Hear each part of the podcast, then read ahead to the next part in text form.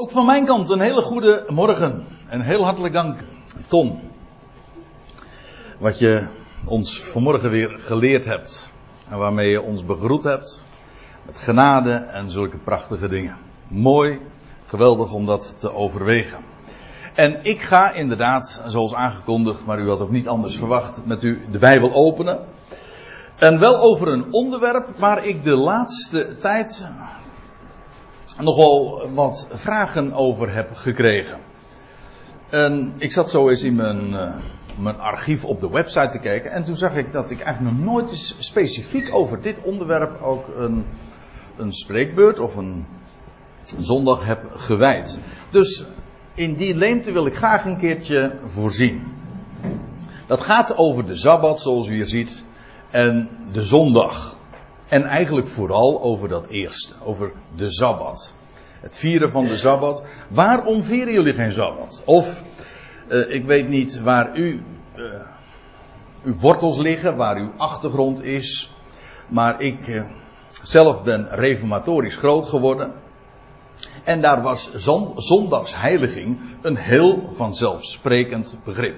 De zondag zou geheiligd worden en daarmee bedoelde men en bedoelt men nog steeds dat de zondag apart gezette dag is. Een dag die speciaal aan de Heer gewijd is, waarop men geen arbeid dient te verrichten. En ik herinner mij dat ik als kleine jongen al daar zo mijn vragen over had. De dominee had het dan over de Sabbat, maar hij bedoelde de zondag. Dat vond ik al heel vreemd. Maar goed, ik stelde daar kritische vragen over en ik kreeg naar mijn mening geen echte goede antwoorden daarop. Want zo eigenwijs was ik dan ook alweer. Ik kom uh, nu zo rechtstreeks uit Katwijk. Daar wonen wij. Gemeente Katwijk moet ik erbij zeggen. En daar is de zondagsheiliging nog steeds. Ga daar maar eens een keertje op een zondag kijken. En dan zie je gewoon op de tijden in de ochtend, zo rond een uur of tien. Maar in de middag dan weer om een uur of vier, vijf, zes. Uh, zie je mensen allemaal ter kerke gaan, in het zwart gekleed. En die dag, ja, dat is een hele speciale dag. Maar waaraan uh, is dat ontleend? Waarop is dat gebaseerd? Waarom vieren jullie eigenlijk genieten zondag? Dat staat toch in de Bijbel? En als je dan vraagt van ja, waar, waar staat dat dan? Nou, dan is dat natuurlijk ontleend aan wat dan heet de decaloog, met een duur woord, maar beter nog wat bekend als de, de tien woorden. De tien geboden. Die in vrijwel alle kerken, ook zondag in, zondag uit, gelezen worden. Voorgelezen, de tien geboden. En een van die tien geboden, en welke nummer dat heeft, dat hangt er een klein beetje vanaf uh, in welke traditie je dan weer groot geworden bent. Want de Joods is weer wat anders dan die van de, van de protestanten. En uh, die is weer anders dan van de Rooms-Katholieken. Doet even niet ter zake. Maar een van die geboden is ook gedenk de Sabbatdag dat gij dien heiligt. Nou ja, we zullen daar dus uh, vanzelf op komen. En dan wordt er ook naar aanleiding van dat, van die voorlezing, dikwijls naderhand ook gezongen. Uh, gezang nummer 1 uit de bundel Enige Gezangen. En ik zie sommige mensen een klein beetje herkenbaar en instemmend knikken van ja, dat kennen we inderdaad wel. En dat is, uh, daar staat dan een couplet in, couplet nummer 5. Gedenkt en viert, dat wordt dan gezongen, gedenkt en viert met vee en magen. U ziet, uh, dat is oud-Nederlands, want zo zeg je dat tegenwoordig niet meer in 2014. Maar goed, als je daar even doorheen prikt, dan heb, ben je ook over dat bezwaar heen gestapt. Gedenkt en viert met vee en magen den, den Sabbat na zesdaagse vlijt. God schiep het heelal in zoveel dagen. Dat is nog een verhaal apart trouwens, maar goed. En heeft de Sabbat zich gewijd. En dan uh, een paar coupletten verder, dat is dan het slotcouplet. Och, of wij uw geboden volbrachten, uw geboden volbrachten, gena, o hoogste majesteit. Ik, ik, lees het nu voor, maar ik zou het zo kunnen zingen. Maar uh, ik kan niet zo goed zingen als Tom, dus ik zal het u besparen. Uh, gena, o hoogste majesteit, gun door het geloof in Christus krachten om die te doen uit dankbaarheid. En dan, uh, de tien geboden hebben dan ook inderdaad binnen de christelijke traditie, de, de reputatie een regel te zijn van de dankbaarheid. De regel der dankbaarheid. Waaraan zou een gelovige, waar zou een christen zich aan spiegelen? En dat is een aardig woord in dit verband, een spiegel. Waaraan zou hij dat doen? Wel aan de wet. De wet, de tien geboden. En hoe vanzelfsprekend dit voor de meerderheid van de mensen ook mag zijn. Als je de Bijbel opendoet. En gewoon eerlijk en eventjes dus eh, niet denkt vanuit dat wat men allemaal meent te weten, maar gewoon even kritische vraag stelt. Waarop is het nou gebaseerd? Ja, de tien geboden. Maar zijn die tien geboden gegeven aan ons, aan de kerk? Ja, natuurlijk. Hè. Uh, is dan de gedachte. Maar laten we eerst eens eventjes naar die tien geboden toe gaan. De, de, de, tien geboden trouwens, die uitdrukking vind je niet in de Bijbel. Het heet in de Bijbel bij herhaling de tien woorden. Maar, en die vind je twee keer in de Bijbel. De bekendste versie is die van Exodus 20. En daar lees je, en zo wordt, het heet ook wel de twee stenen tafelen. Dat was de tekst die ge, opgeschreven was op de stenen tafelen. Ook weer een, een heel uh, bijzonder verhaal. Maar dan, die vangen dan aan met deze woorden. Toen sprak God. Het volk, is, het volk Israël, let op. Het volk Israël dat zojuist getrokken was uit Egypte op een wonderbaarlijke wijze. Komt dan aan bij de berg Sinaï in de derde maand, lees je. En dan wordt tot dat volk deze woorden gericht. Toen sprak God al deze woorden: Ik ben de Heere uw God. Dus degene die, zich, die hier aan het woord is, die stelt zich meteen voor. En vervolgens ook, hij spreekt hen aan aan wie deze woorden gericht zijn. Ik ben de Heere uw God, die u uit het land Egypte, uit het diensthuis, de slavernij namelijk, geleid heb. Met andere woorden, degene, de identiteit van degene die hier spreekt is daarmee vastgesteld. Hij is het. Die dat deed, dat verlossingswerk deed, die hen uit de slavernij bracht. En vervolgens wordt ook de identiteit vastgesteld van hen die aangesproken worden, namelijk het volk dat daar in Egypte gevangen zat. En in slavernij was en nu daaruit bevrijd was. Nou, en dan lees je een heel aantal woorden, daar ga ik nu dus even aan voorbij. En dan vervolgens staat daar in vers 8, nogmaals, hier worden dus heel uitdrukkelijk de Israëlieten aangesproken, gedenkt, of gedenk de Sabbatdag, dat gij, dat jullie die heiligen, dat wil zeggen apart zetten. Heiligen is gewoon het Hebreeuwse, eh, in het Hebreeuws, maar in het Grieks ook, het begrip dat letterlijk ook betekent apart gezet. Het staat apart, ja. Uh, en in de, in de praktijk ook boven uh, al het andere, boven het profane, het alledaagse. Het is dus een apart gezette dag.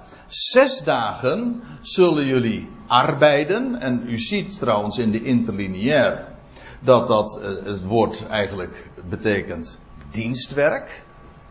Dus zullen jullie dienstwerk uh, doen. En dienstwerk, dat is werk dat je doet in dienst van. Dus dat kan altijd, zes dagen lang. Maar die ze de zevende dag, want dat is de Sabbatdag, uh, zult gij, zes dagen zullen jullie dienstwerk doen en al jullie werk doen. Werk betekent in de Bijbel iets doen voor geld. Trouwens bij ons ook. Hè. Werken is verdienen. Betekent eigenlijk niet zozeer activiteit. Ik denk wel eens een keertje voor een hele categorie mensen.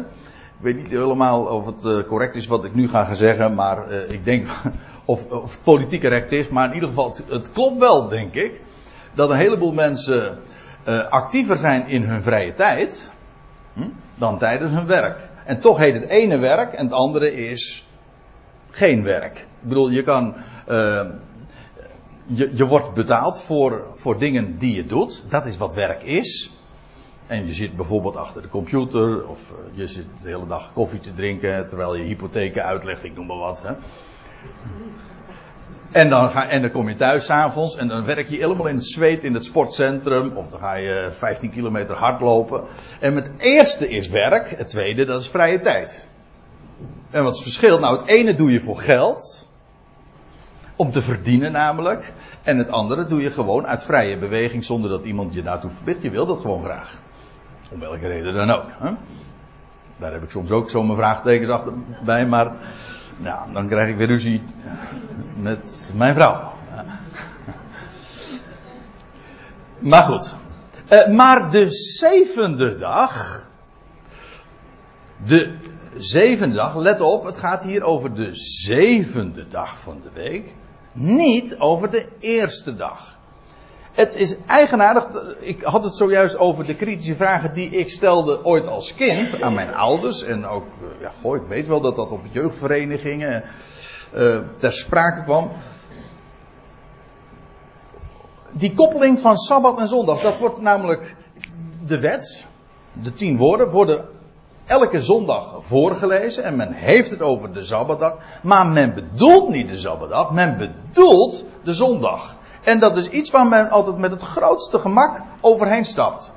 Wat ik heel vreemd vind, want die, die zevende dag speelt juist in de argumentatie van en de, de motivatie van dit woord een hele grote rol. Het is niet, het is maar niet de eerste, of het is de derde, of de vijfde dag. Nee, het is de zevende dag. Om een hele specifieke reden. Dat kan dus nooit de zondag zijn, want de zondag is heel uitdrukkelijk de eerste dag van de week. Na de Sabbat.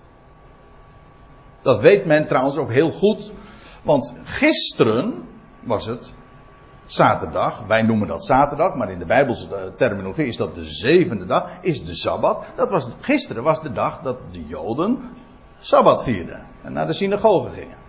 Dat is de Sabbat. Vandaag is de dag daarna, dus het is de achtste dag. Of eigenlijk de eerste dag van een nieuwe reeks. Dus de eerste dag van de week. Dat is de dag die men koppelt, mijn zinziens volkomen terecht, maar dat is waar we het een aantal maanden geleden nog over gehad hebben, de dag van de eerstelingsscharven. Ja, broeder Frederiks, ik weet, ik, weet dat u er anders over denkt, maar het maakt even niet uit. Het gaat even om dat de eerste dag, de, de dag is van de eerstelingsscharven, de dag dat hij opstond uit de doden. Nou, dat was je uitdrukkelijk een dag daarna, niet op de Sabbat. Dat is in de kerkelijke traditie wordt dat ook inderdaad zo geleerd. Maar hoe kun je dan vervolgens dit, deze woorden, voorlezen en zeggen van deze woorden zou men eerbiedigen en vervolgens niet de zevende dag houden, maar de dag daarna. Sorry, maar als je vindt dat deze woorden van kracht zijn en op jou van toepassing, dan dien je niet de zondag te vieren, maar de Sabbat de zevende dag en niet de eerste dag. Anders zit je een handje te lichten met de wet. Met, zo staat het geschreven. Maar weet u, het is niet eens het grootste probleem. sommige mensen die gaan nu al rusten. Eigenlijk, want, over, als we het er nou toch over hebben. De, de eerste dag van de week is namelijk geen rustdag. Integendeel, het is juist de eerste dag van nieuwe activiteit weer. Ja. Ik, uh, ik wil vanmorgen eigenlijk niet zozeer over die, die zondag, over die eerste dag van de week en de dag van de opstanding het hebben. Ik wil vooral u meenemen naar wat de schrift zegt over de Sabbat. Over die, die, die dag daarna, vandaag dus. De dag van het nieuwe leven, een nieuwe reeks, een nieuwe cyclus. De achtste dag. Eigenlijk ook een dag die verwijst naar de nieuwe schepping. Daar zit ook heel veel bijbelse symboliek weer in verscholen. Wat dacht u bijvoorbeeld van de besnijdenis die plaatsvindt op de achtste dag? Dat heeft te maken met een nieuwe schepping. Dat heeft getal 8 alles mee te maken. Maar dat is typologie. Dat wil ik nou eventjes, hoe boeiend ook, even parkeren. We concentreren ons nu even puur op die Sabbat. De zevende dag. Heel uitdrukkelijk. Dus zes dagen arbeiden. De zevende dag is de Sabbat. Sabbat. Misschien dat dat straks nog even ter sprake komt, maar ik kan er nu alvast even op wijzen. Het woord Shabbat, wat Hebreeuw zo zegt, dat betekent eigenlijk staken. Ophouden. En vandaar ook dat het de betekenis heeft gekregen van rusten. Maar het idee is niet zozeer van dat je op je lauweren rust. Het punt is, je staakt je arbeid, je dienstwerk en het verdienen. Dat is het. En het is dus een dag van rust. Geen arbeid. Nou, dat is uh, wat hier gezegd wordt. De zevende dag is de Shabbat van Yahweh. Uw God dan zult gij geen werk doen. Dus geen werk, dat is doen voor geld. Gij, nog uw zoon, nog uw dochter, nog uw dienstknecht, nog uw dienstmaagd, nog uw vee. Kortom, het is niet alleen persoonlijk, gij zult geen werk doen, maar ook jouw familie niet, jouw zoon niet, jouw dochter niet. Het hele, uh, de familie, ook maatschappelijk dus, jouw bedrijf. Uh, u begrijpt meteen, als ik dit ook zeg en zo voorlees aan de hand van Exodus 20, dan begrijp je ook hoe die, dat idee van zondagsheiliging, zeg maar, nou ja, vooral ook in een land als de onze, dat erg door het Calvinisme is gestempeld, hoe, hoe allerlei ideeën ook vorm hebben gekregen daaromtrent.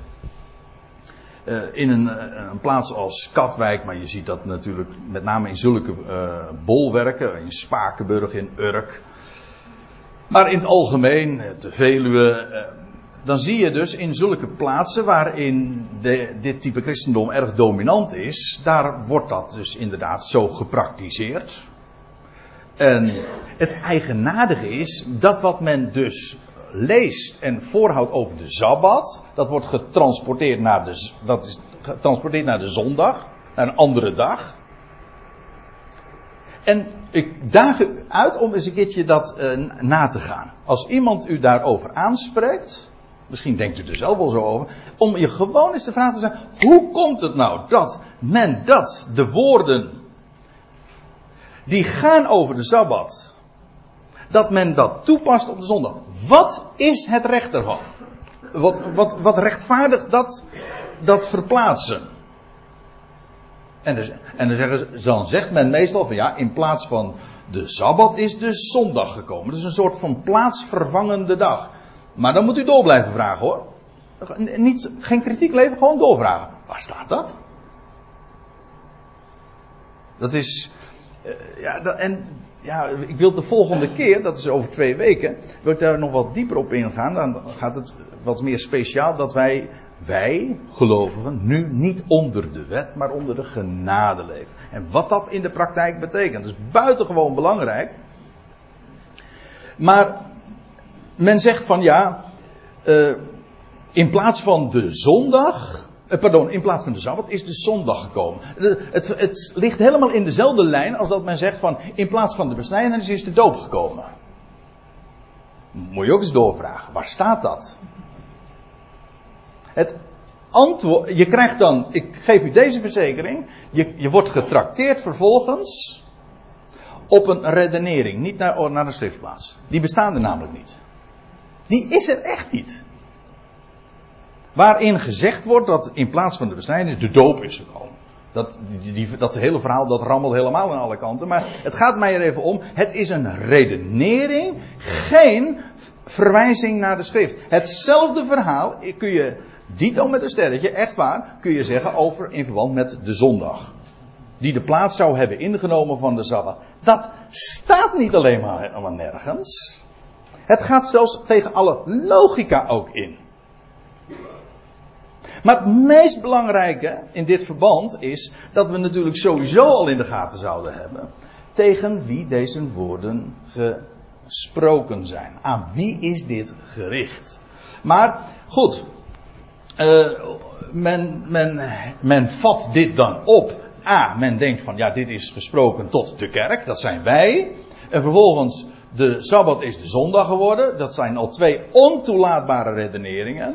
Maar ja, en, en het resultaat van die redenering, die heel onlogisch en maar nog erger onbijbels is, is dat men dus de zondag heiligt. En je hebt een vereniging ter bevordering van de zondagsrust en de zondagsheiliging. En dat je op zondag niet zou werken. En trouwens, waarbij je nog iets uh, eigenaardigs vindt, dat is misschien wat heel zijdelings.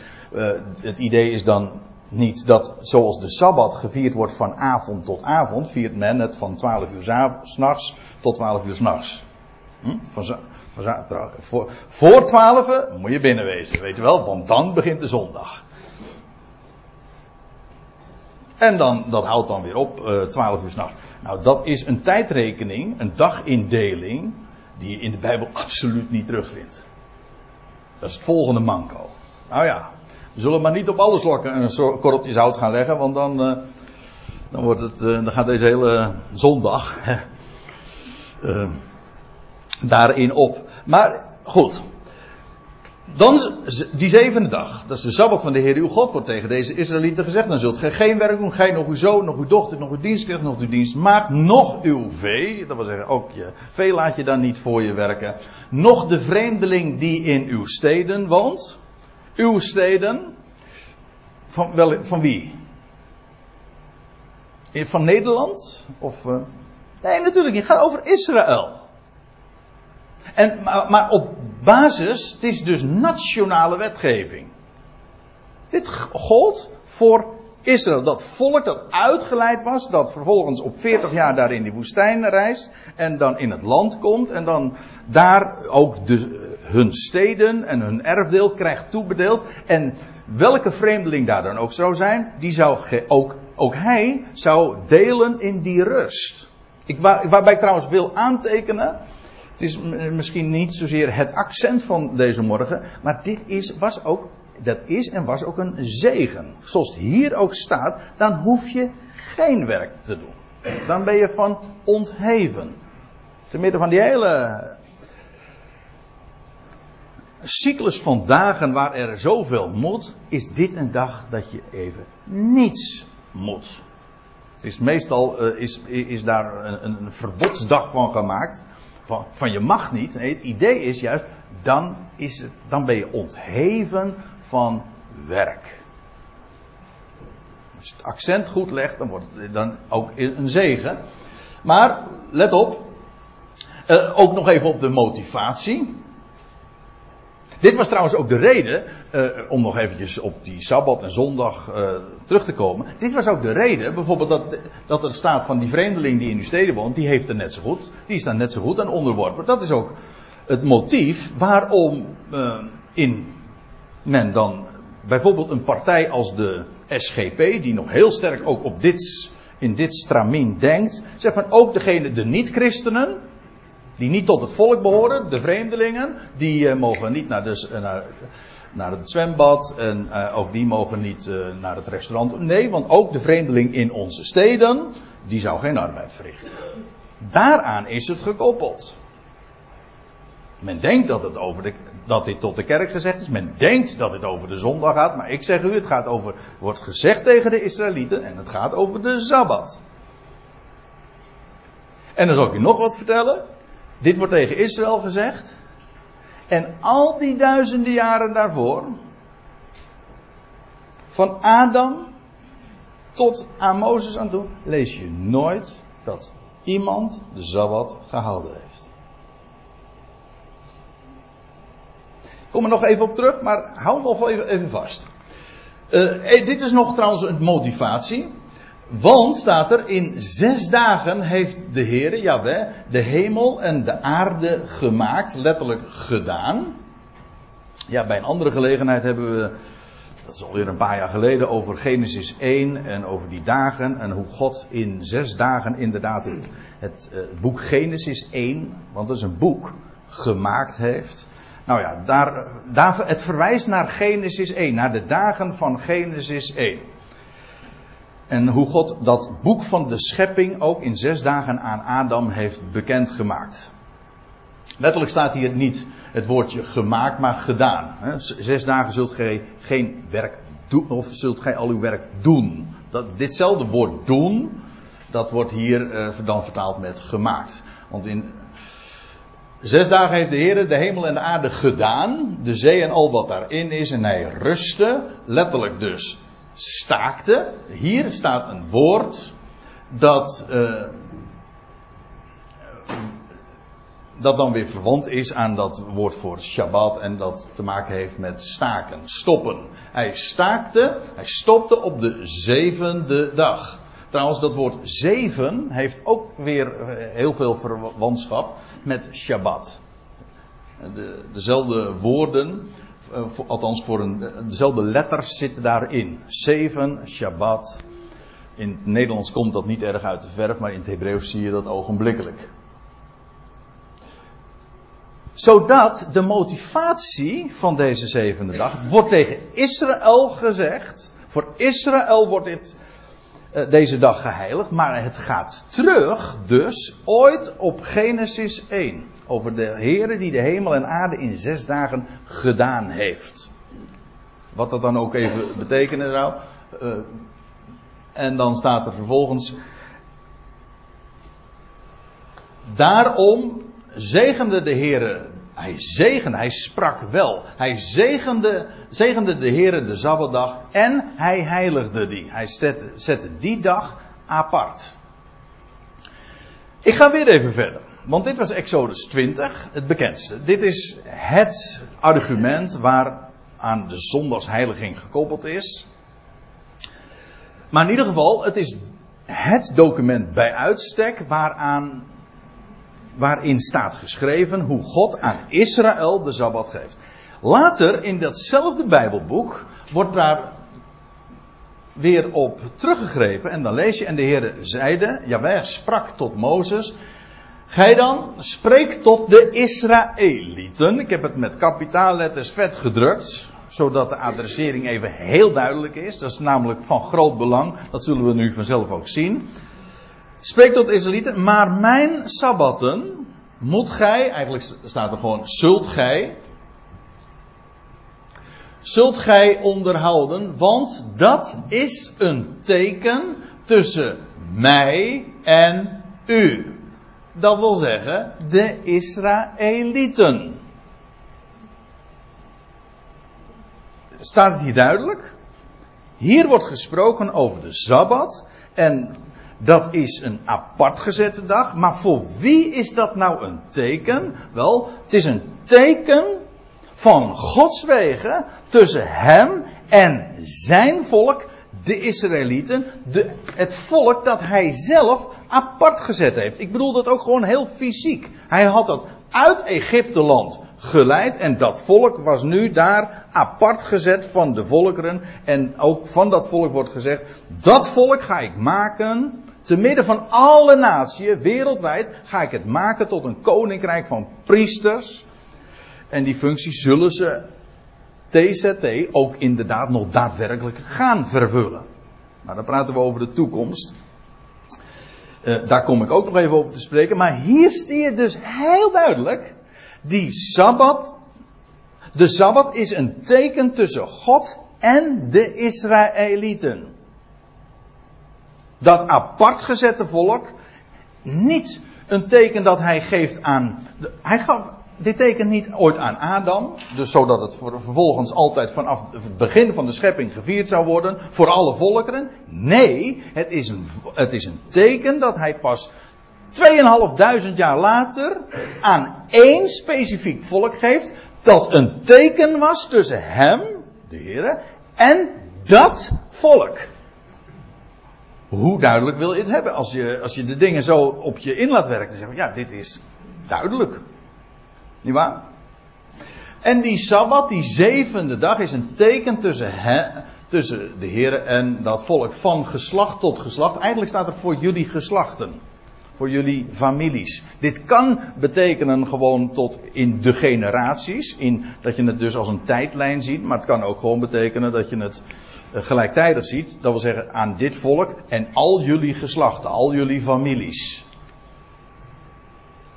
Nou ja, die geef ik even ter overweging mee. Zodat jullie weten dat ik, Jaweh ben, die u heilig. Dat wil zeggen, apart stel. En dan nog even later, in datzelfde hoofdstuk, in vers 16, de Israëlieten zullen de Sabbat onderhouden. En door de Sabbat te vieren, zij en hun nageslacht, voor hun geslachten. Als een altoos durend, in de concordant version geeft dat weer een Ionisch verbond. U ziet het, een verbond voor le olam, of eh, voor de eeuw. Ja, en, want als je dat nog even doorleest, dan kom je in vers 17 inmiddels uit van Exodus 31. Tussen mij en de Israëlieten is deze een teken voor altoos. En hier zie je weer datzelfde woordje olam, waar we in een heel ander verband natuurlijk ook wel vaak op ingegaan zijn in deze samenkomsten. Omdat dit woord natuurlijk en de weergave daarvan uh, uh, ook nogal wat consequenties heeft. Ja, voor het verstaan van de schrift. Maar uh, hier wordt dus gesproken over de olam, le olam, dat wil zeggen voor, uh, de, voor de voor de, voor de eeuw. Het idee is niets van eeuwigheid. Olam is trouwens het, het woordje olam, dat is misschien wel aardig om in dat verband er even op te wijzen. Dat is afgeleid van een werkwoord, een Hebreeuws werkwoord, dat verbergen betekent. En het idee is daarbij dat het een tijd is met een verborgen einde. Niet eindeloos, maar met een einde dat niet gezien wordt. Dat is, een, dat is de Hebreeuwse gedachte bij dat woordje olam. Het is afgeleid dus van een werkwoord dat met verbergen te maken heeft. En nou wil ik er nog even iets heel belangrijks bij zeggen. En dit is iets wat ook nog weer verband houdt. Dus met die olam, die aion, die gaat komen. De Bijbel spreekt over de tegenwoordige aion, maar ook over de toekomende aion. En die toekomende aion, dat is die, die aion waarin Christus de heerschappij op zich zal nemen. Maar het is ook de aion waarin Israël hersteld zal zijn. En hersteld zal worden volk wordt teruggebracht naar het land. En dan zal het volk eindelijk, na duizenden jaren, tot zijn bestemming komen. En dat is de, en dat is het prachtige. Dat tijdvak is de vervulling, profetisch, juist van die zevende dag. Dat zal ik u laten zien. Uh, in het millennium, dat moet ik trouwens eventjes toelichten. Nou ja, u weet inmiddels natuurlijk uh, wel wat uh, millennium betekent. Millennium betekent gewoon duizend. Het komt van het woordje, een Latijns woord, dat betekent duizend. Maar in het millennium, in bijbels opzicht, duidt dat, verwijst dat naar de duizend jaren. Ja, we halen zo, als je het hebt over zo'n onderwerp en je gaat het toelichten, dan komt er nogal wat zo bij kijken en je haalt ook heel, heel wat overhoop. Want als ik het zeg over het duizendjarig rijk, dan zeg oh, dat is dat rijk waar wij vandaag in leven. Toch?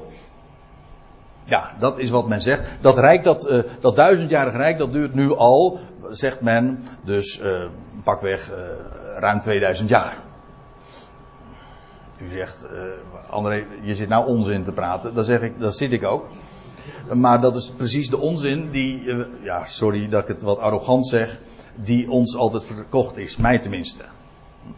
Uh, wij leven nu al sinds de eerste komst van Christus tot de wederkomst, dat is het duizendjarig rijk. Hoe lang duurde het duizendjarig? Dat is net zoiets als, hoe lang duurde de tachtigjarige oorlog? Hm? Goh, ideeën. Ja, precies 66 jaar, want. Toch, was het? Oh nee, uh, 68 jaar, ja. 12 jaar vredesbestand, zo was die. Nou ja, uh, even alle gekheid op, op een stokje. De duizend jaar. Laat ik, het nou, laat ik eventjes de traditie helemaal buiten beschouwen. Bijbels gezien, er komt straks die Aion als Christus terugkeert. Het volk wordt gebracht in het land, hersteld, het vredewerk zal beginnen. Vanuit Jeruzalem zal het koninkrijk gebouwd worden. Dat is de, die nieuwe Aion. En die, dat die Aion, dat, daarin is, zal Satan, de tegenstander, gebonden zijn. En Duizend jaren lang zal hij de volkeren niet in staat zijn te verleiden. Dat is het millennium. Kijk het maar na in openbaring 20, dan komt het iedere keer weer terug. De duizend jaren. Dat is het millennium. En in dat millennium zal Israël inderdaad wederom de Sabbat vieren. Maar dat is niet zo gek. Dat inderdaad die Sabbat in de toekomst weer gevierd gaat worden. Wereldwijd zelfs. Dat kun je in deze schriftplaatsen terugvinden. Ik ga, het, is, te ver om dat nu allemaal toe te lichten. Maar in het, een van de laatste versen van het boek Jezaja, van het boek Jezaja, daar zie je dat gewoon zo terug. De Sabbat zal gevierd worden. Maar dat is niet zo gek.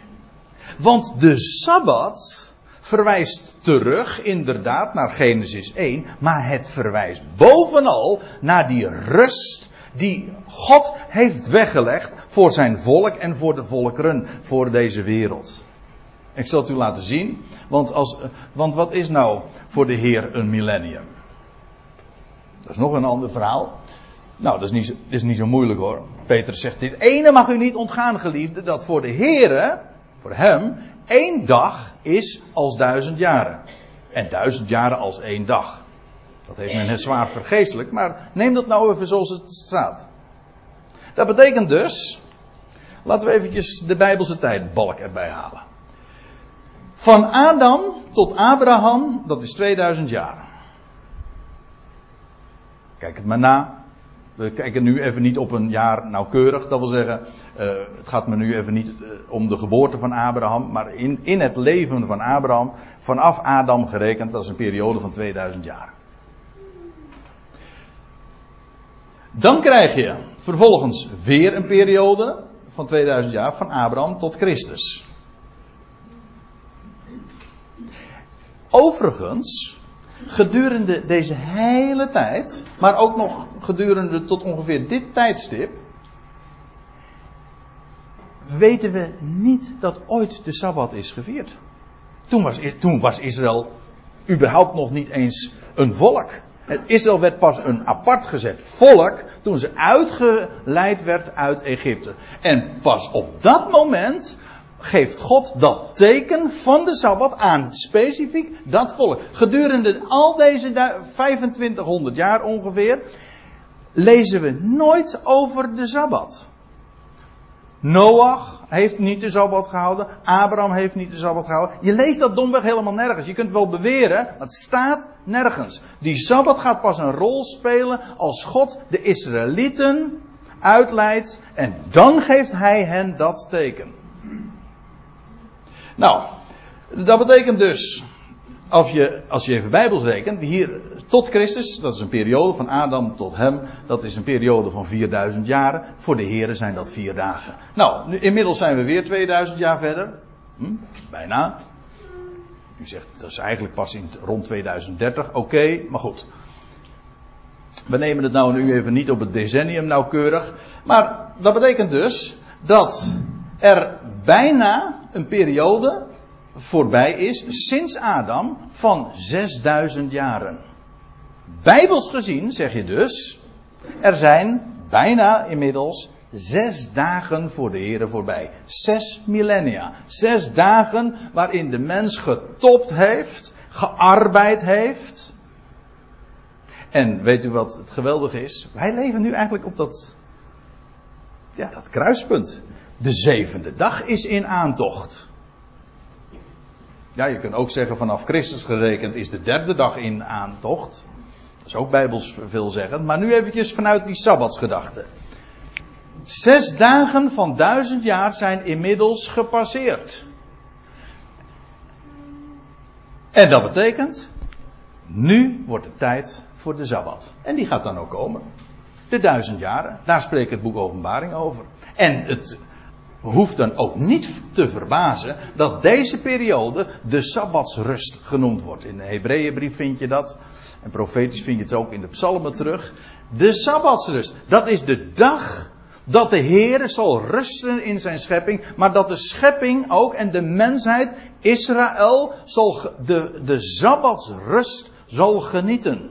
Een geweldige periode. Na zes dagen van arbeid zegt de Heer, en nou is het over. Stoppen. Nu is het mijn dag. En dit is die Sabbat. Die grote wereldsabbat. Dit is ook de periode waarin het koninkrijk gestalte vindt. Maar laat ik u dit zeggen. Dat koninkrijk dat straks gestalte krijgt. Dat is niks anders dan een Israëlitisch wereldrijk. Dat kan ik heel makkelijk aantonen. Want wat gebeurt er? God gaat dat volk Israël verzamelen. Hij brengt het in het land. En vanuit het centrum van dat land, vanuit Jeruzalem, zal de koning gaan heersen over de volkeren. Dat wil zeggen, het volk wordt geleid, eh, pardon, de volkeren worden geleid, staan onder leiding van de stad Jeruzalem, vanuit Israël. Dus dat rijk dat gaat komen, dat zal geen Babels rijk zijn, geen Medo-Persisch rijk, nee, het is een rijk, een Israëlitisch rijk.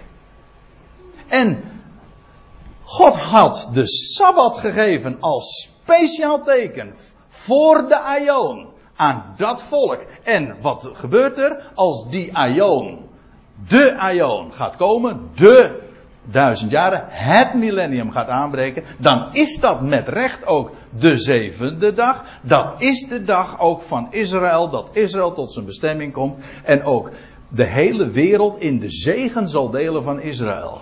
Dan gaat de Sabbat weer terecht ook gevierd worden. Waarom? Omdat de Sabbat zijn vervulling dan juist ook krijgt. Van rust. Ik vind het geweldig om eraan te denken dat na 6000 jaren. God, God werkt ook via tijdschema's. Hè? En hij heeft het allemaal al vastgelegd in zijn woord. Na zes dagen van arbeid van de mens is het mijn rust. En die gaat aanbreken. Dat Messiaanse koninkrijk.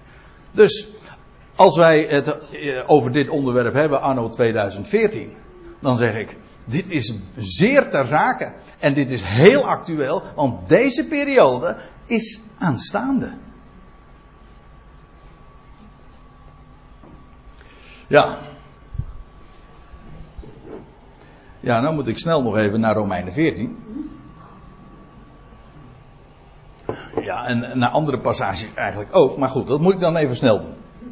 Ik zal, wat ik, kijk, eigenlijk de clue van wat ik verteld heb is uh, simpel. In die zin, God gaf dat teken van de Sabbat aan het volk van Israël, niet aan de natie.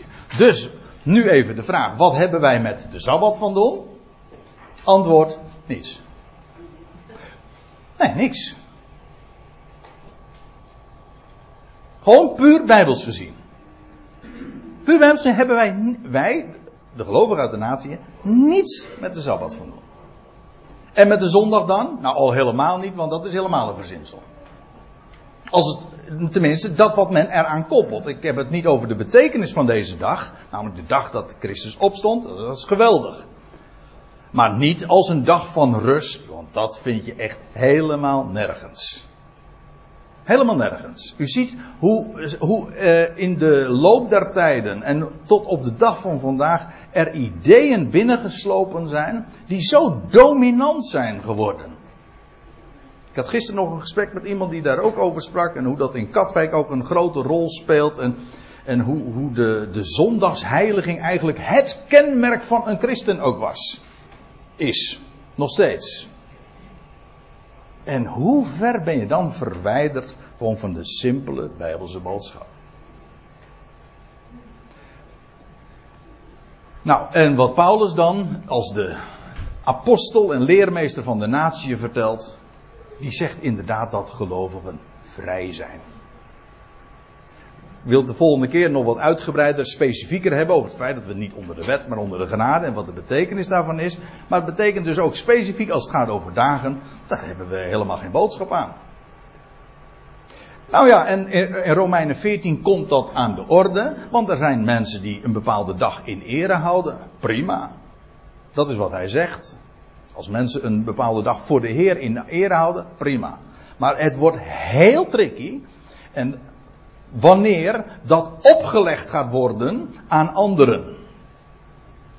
Nou, laten we even lezen. Wie, wie bent u dat gij eens anders knecht oordeelt? Dat wil zeggen, Als u hem kent, dan bent u van hem. Dan staat u in dienst van hem. En wie ben ik dan om u te gaan vertellen wat u moet doen? Of, of om u te oordelen, te beoordelen en helemaal te veroordelen op grond van bepaalde praktijken van u. Wie ben, wie ben je? Of die staat of valt. Ja, ook als hij valt, dan gaat zijn eigen Heer aan. Denk erom. Maar hij zal staande blijven, want de Heere is bij machte hem vast te doen staan. Nou, dat vind ik op zich natuurlijk al geweldig. Ik ben van hem, u bent van hem. Hoop tenminste dat u dat ook zo echt inderdaad erkent. En zegt van, dat is mijn leven. Hij is het die mij voedt. Hij zet mij apart. Hij zet mij apart, inderdaad. Hij heilig. Maar hij is het ook die zijn werk aan mij doet. En hij doet mij staan. En als, hij doet mij ook vallen. Eventueel om een les te leren. Maar dat gaat hem aan. Dat is toch geweldig? Ook als je die ruimte elkaar gunt, alsjeblieft mensen. Geef, sta in die vrijheid, maar gun elkaar ook die vrijheid. Nou, daar, daar heeft de apostel het over. Deze immers, dat wil zeggen de een, stelt de ene dag boven de andere. Letterlijk staat oordeelt een dag naast een dag. Zegt van, die dag, dat is een hele speciale. En de andere stelt ze alle gelijk. Je oordeelt elke dag. Trouwens, dat woord gelijk staat er eigenlijk niet. Hè? Dat vind ik wel bijzonder.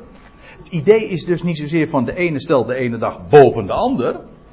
En de andere die acht ze allemaal gelijk. Nee, die acht ze allemaal. Ja, het is dus niet van uh, de ene die zegt van, nou, de zondag, ik noem maar wat, hè, of de sabbat, dat is een hele bijzondere dag. Dat is de dag uh, voor de Heer. Maar je, en dat is dan, uh, Paulus ja, spreekt in dit verband, in, in deze context van Romeinen 14 over zwak en sterk. Degene die een dag apart stelt, dat is prima, hij zegt, maar hij noemt het wel zwak. Een zwak idee. Dan ben je zwak nog in, het, in, in je perceptie en in je beleving van de dingen. Dat is niet veroordelend, maar is gewoon een vaststelling. Degene die sterk is, die, die, is het idee is niet zozeer die acht alle dagen gelijk. Nee, die acht alle dagen. Alle dagen zijn van hem. Elke dag is het Sabbat. Elke dag is het zondag. Elke dag is het feest. Elke dag is van hem. En aan hem gewijd. Dat is sterk.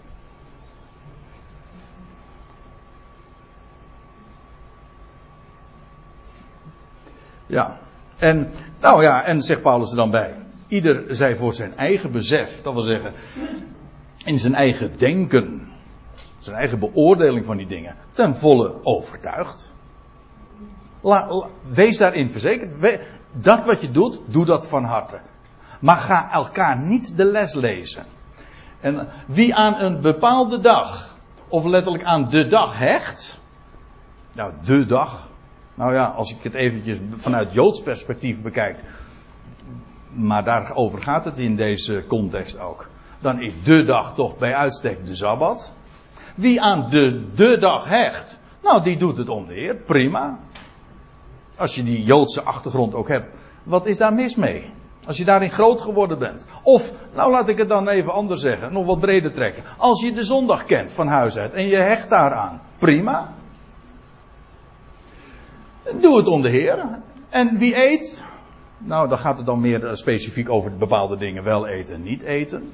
Ik noem maar wat, hè, dat je geen uh, een carbonade eet. Vanwege, vanwege je achtergrond. Varkensvlees. Die doet het om de Heer, en hij, want hij dankt de God. Als je God daarin dankt, wat kan er dan mis mee zijn? Ongeacht wat je doet. Of je nou een sabbat houdt, of een zondag, of voor mij part een vrijdag. Dat doen de moslims dan weer. Hè. Als je het allemaal als het heel syncretistisch hè, op, oppakt en zegt van we combineren het, dan heb je drie dagen achter elkaar vrij. ja, de vrijdag, de zaterdag en zondag. Maar goed, uh, je dankt hem. Nou, dan is, dan, is dat, dan is die dag daarmee aan hem gewijd. Maar ga alsjeblieft niet vertellen van jij hoort ook deze dag te vieren. En als je het niet viert, nou, of als jij dan in onze, dat was nog niet zo lang geleden hoor, in Urk was, ging dat echt zo eraan toe, dat als je dan, als je de Urk binnen fietste op een zondag, nou dan waren je banden door regen van palingmessen. Want de vreemdelingen in uw steden, die zou daar net zo goed zich uh, aanhouden. bedoel, dat, ik geef toe, dit zijn extreme voorbeelden, maar het, het gaat even om het gedachtegoed, de motivatie, denken, wat daaraan ten grondslag ligt. Kijk, en ik weet, ik, ik, het is mij vaak al opgevallen dat als je dan zegt van ja, ik acht alle dagen voor mij is, dat meen ik echt in al sinds jaren dag geen enkel verschil eh, daarin, of de sabbat of de zondag. Eh, alle dagen zijn van hem. Maar men vat dat heel vaak dan op als van, nou jij bent toch wel een aardige pad kwijt. Dus hij kan nooit erg serieus, hij kan nooit serieus, hij kan nooit gelovig zijn. Dat zie je toch, hij houdt niet de zondag. Hm? Hij gedenkt niet de Sabbatdag. Ik moet er altijd een beetje om lachen. Ja, inmiddels wel. Ik bedoel, ik wil iedereen serieus nemen. Maar als je echt gewoon de dingen vanuit Bijbels perspectief weer ziet. Ja, dan moet het toch helder zijn. En de apostel van de natie. Wat dacht je wat? Ik, ik, ik kom de laatste tijd steeds meer in aanraking met mensen die ook inderdaad dan zeggen van nee, die zondag, dat is helemaal fout. Het hoort de Sabbat te zijn. En die, die, die denken dan dat de gelovigen nu uit de natieën de Sabbat moeten gaan, ja, de Sabbat moeten gaan onderhouden.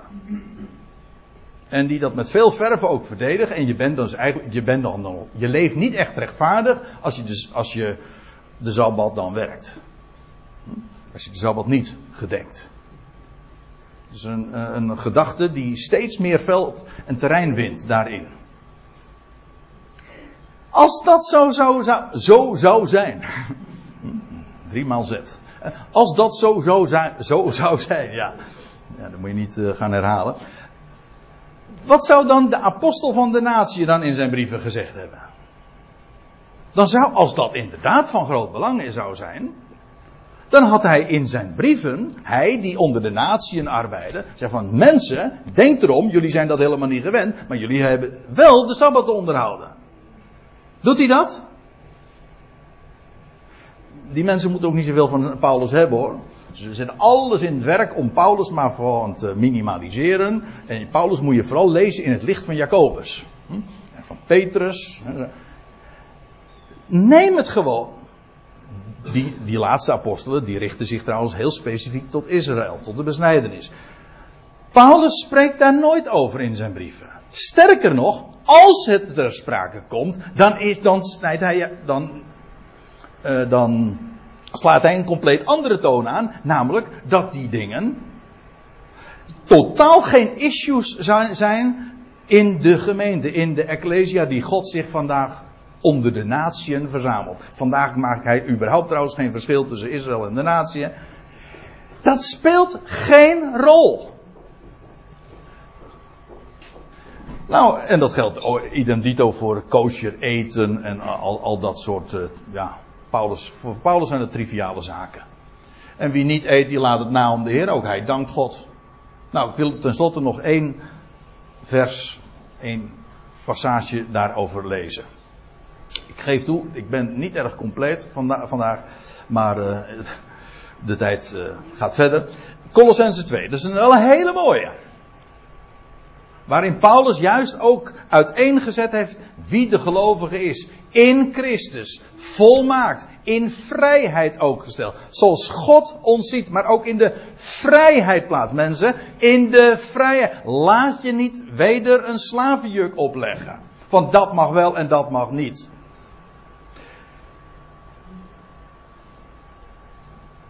En dan zegt hij. Um, nou, in vers 16, Colossense 2. Laat dan niemand u blijven oordelen. Nadat hij juist uiteengezet heeft. Dat wij vrij zijn. En ook niet onder de wet. Dat is het onderwerp was, wat ik zojuist al even aangaf. Over twee weken graag eens wat, wat meer in het algemeen uit, wil uiteenzetten. Want het is zo geweldig. Het is maar niet alleen uh, negatief van niet onder de wet. Maar wat betekent het nou om te leven onder de genade. Dat is geweldig.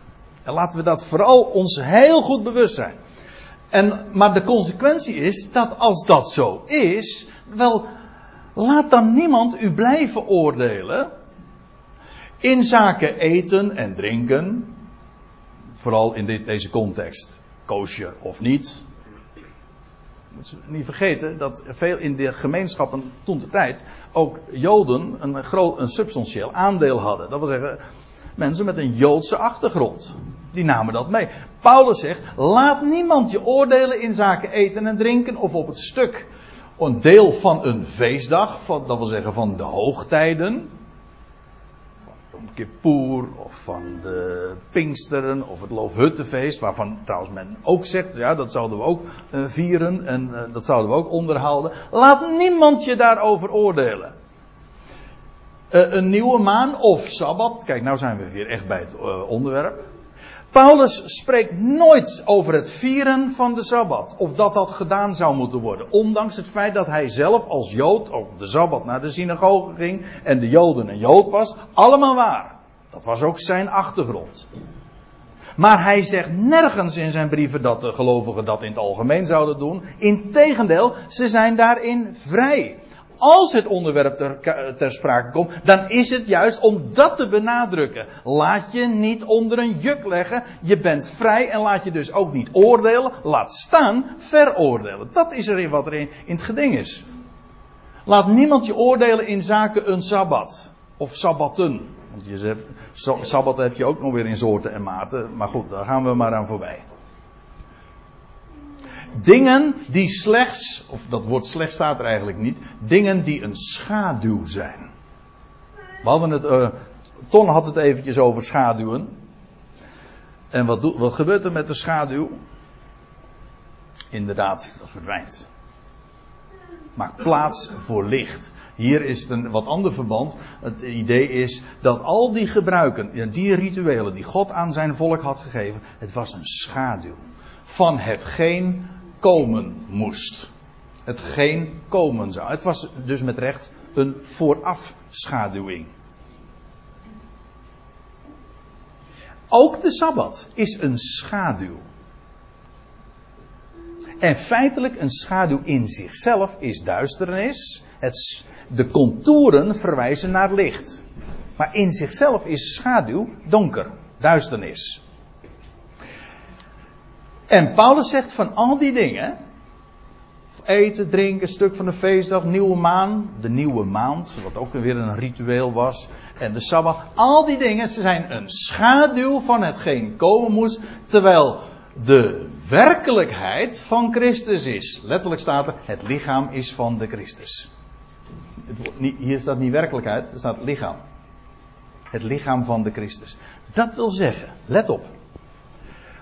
Alles wat God in de wet gegeven had, is een schaduw. Dat is een beeld wat uh, dikwijls in de brieven gebruikt wordt. Ook de offerdienst was een schaduw.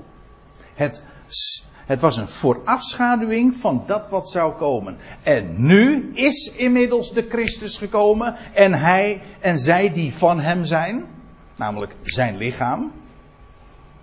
En daarop slaan al die zaken die God ooit had gegeven.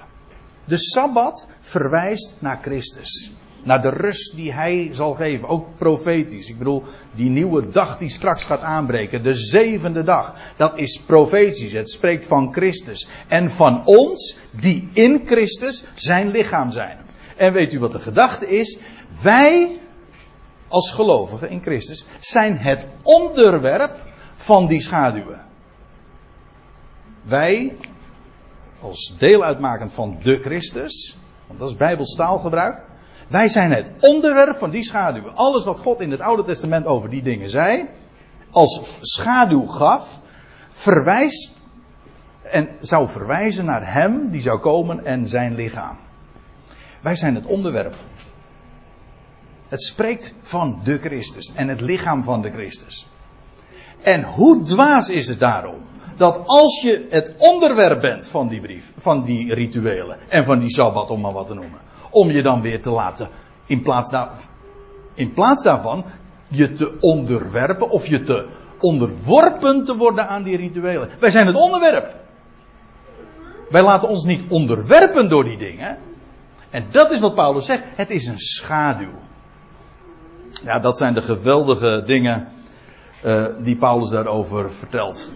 Met andere woorden, dat is de werkelijkheid. Zo mogen we leven. Nou, ik heb u zo uh, met wat overweging, met wat schriftverwijzingen, wat wegwijs willen maken in wat de schrift over de, over de, over de Sabbat, over de zondag zegt. En ik hoop dat, het, dat u dit kritisch leest. Of leest, uh, ja, ik bedoel, beluistert. Meeleest. Ga het na. Neem het niet van mij aan. Check het. Of het klopt. Maar laat u ook niks wijsmaken door mensen die u iets menen moeten, te moeten opleggen. Want dat is volkomen buiten de orde. We zijn vrij. En ik wil graag over dat thema nog eens uh, nader ingaan bij een latere gelegenheid. Zullen we het hierbij laten voor vanmorgen?